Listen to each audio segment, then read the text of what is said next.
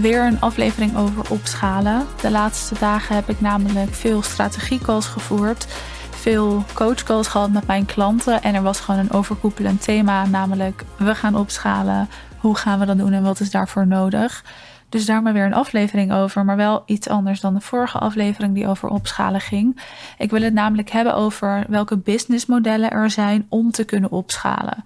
En voordat we het daarover gaan hebben, ik ga heel concreet voorbeelden geven, namelijk wil ik even het verschil uitleggen tussen een businessmodel om op te schalen en tussen een marketingmiddel om op te schalen. Want we halen die nog wel eens door elkaar.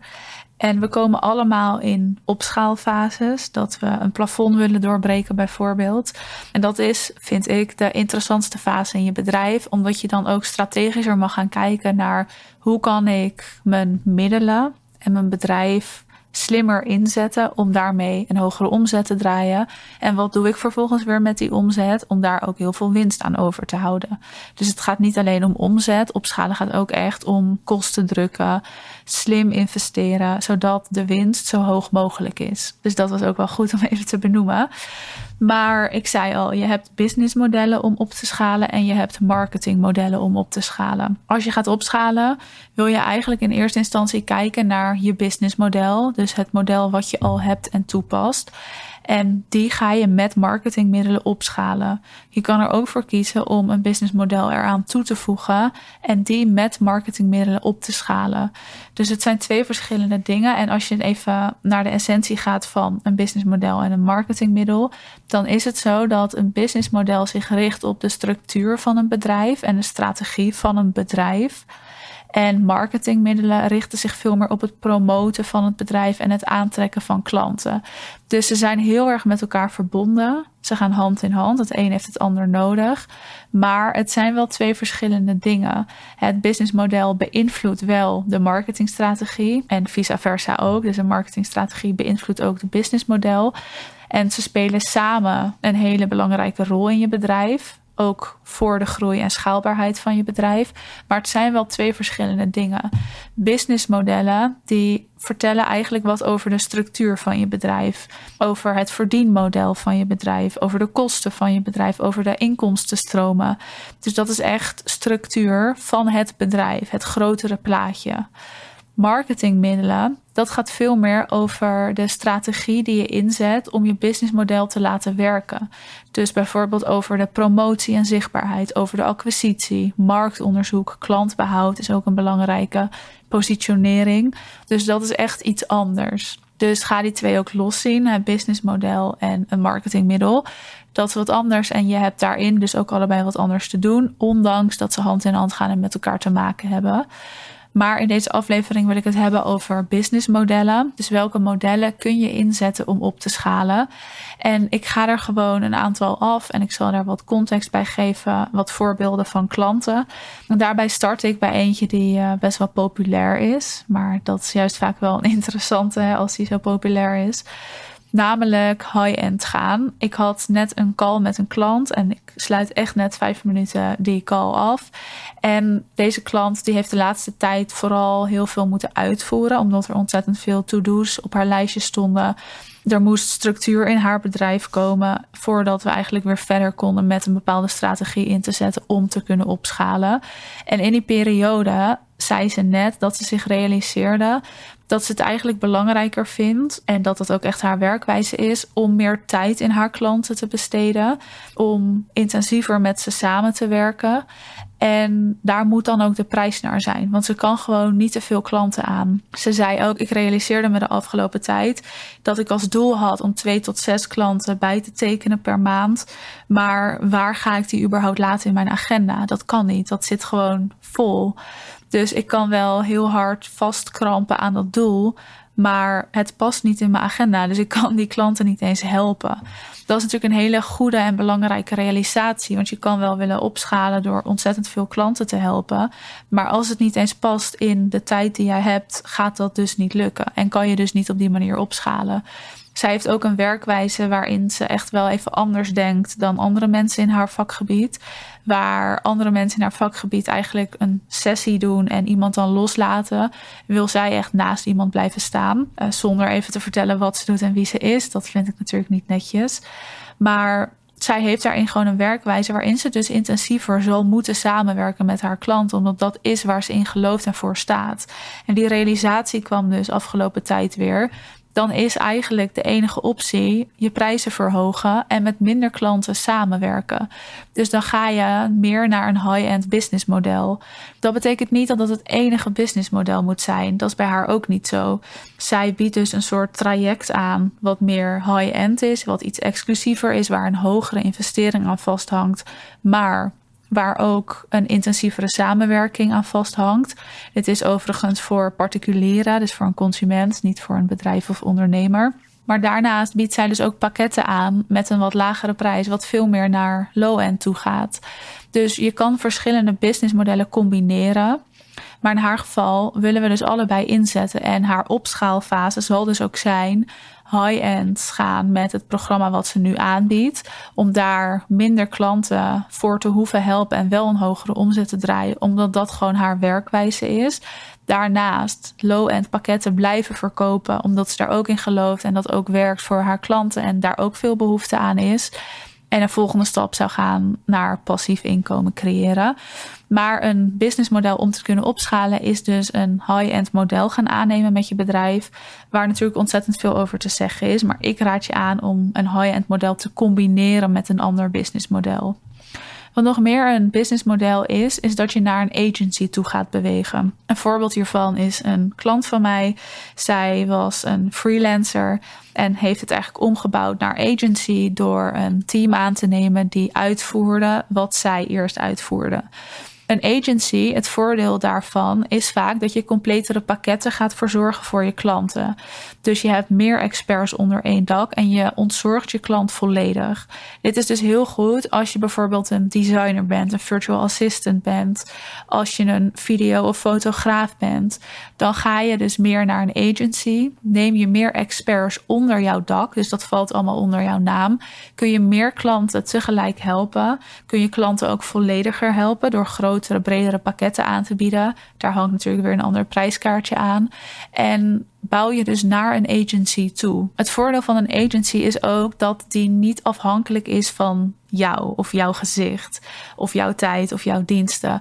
En dat is schaalbaarheid, want een bedrijf is pas schaalbaar als het bedrijf niet meer afhankelijk is van jouw tijd. Want anders dan moet jij in één keer heel veel tijd in je dag toveren, wat niemand kan. Dus schaalbaarheid heeft ook daarmee te maken. En naar een agency toe bewegen is dus heel erg slim dat is niet per se voor iedereen. Je moet dat leuk vinden, want je gaat echt veel meer CEO-rol aannemen, omdat je simpelweg een team hebt aan te sturen. Je bent dus voornamelijk contactpersoon en je zal veel minder zelf ook daadwerkelijk je vak uitoefenen. Dus dit is wel iets wat je moet willen, wat je leuk moet vinden, maar wel een hele goede, fijne optie om op te kunnen schalen. En ook een businessmodel wat je weer kan combineren. Dus je kan prima een agency opzetten en dat je daarnaast het high-end businessmodel daaraan koppelt door zelf bijvoorbeeld wat exclusievere trajecten of programma's of diensten aan te bieden. Waarin mensen daar wel één op één met jou werken en anders werken ze met je agency. Zo zie je dat je al die modellen kan koppelen met elkaar. Dat is het interessante van een bedrijf opschalen. Er is niet one way to go. Er zijn gewoon verschillende opties en jij kan kiezen wat past bij mij en wat wil ik wel en niet combineren. Maar goed, we hebben nu gehad high-end, we hebben naar een agency toe bewegen. Een andere goede optie is om je aanbod te gaan verbreden. Bijvoorbeeld met een abonnementsmodel waar je dus iets minder tijd in hoeft te stoppen, maar wel maandelijkse vaste inkomsten aan gaat creëren. Wat daar het voordeel van is, is dat je heel veel zicht hebt op wat er komen gaat. Dus je gaat je inkomstenbronnen spreiden. Ook dat is schaalbaarheid, het schaalbaar maken van je bedrijf.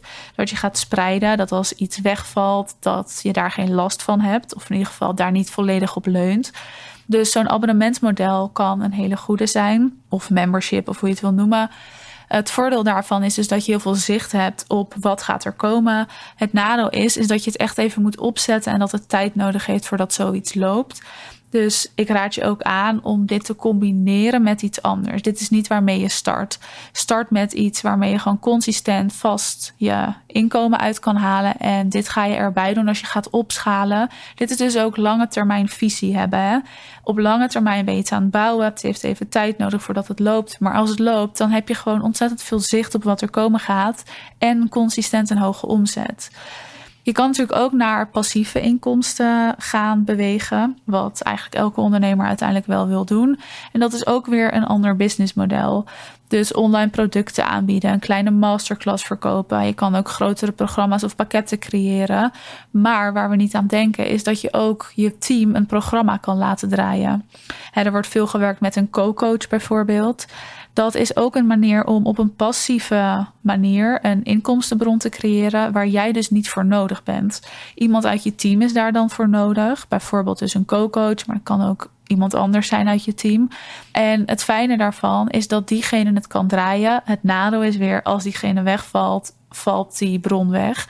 Maar daarnaast wil je dus ook wel echt iets passiefs opzetten. Passief inkomen is super populair en iedereen praat erover. Ik raad je ook zeker aan om het op te zetten, want het is heel fijn en het kan heel simpel.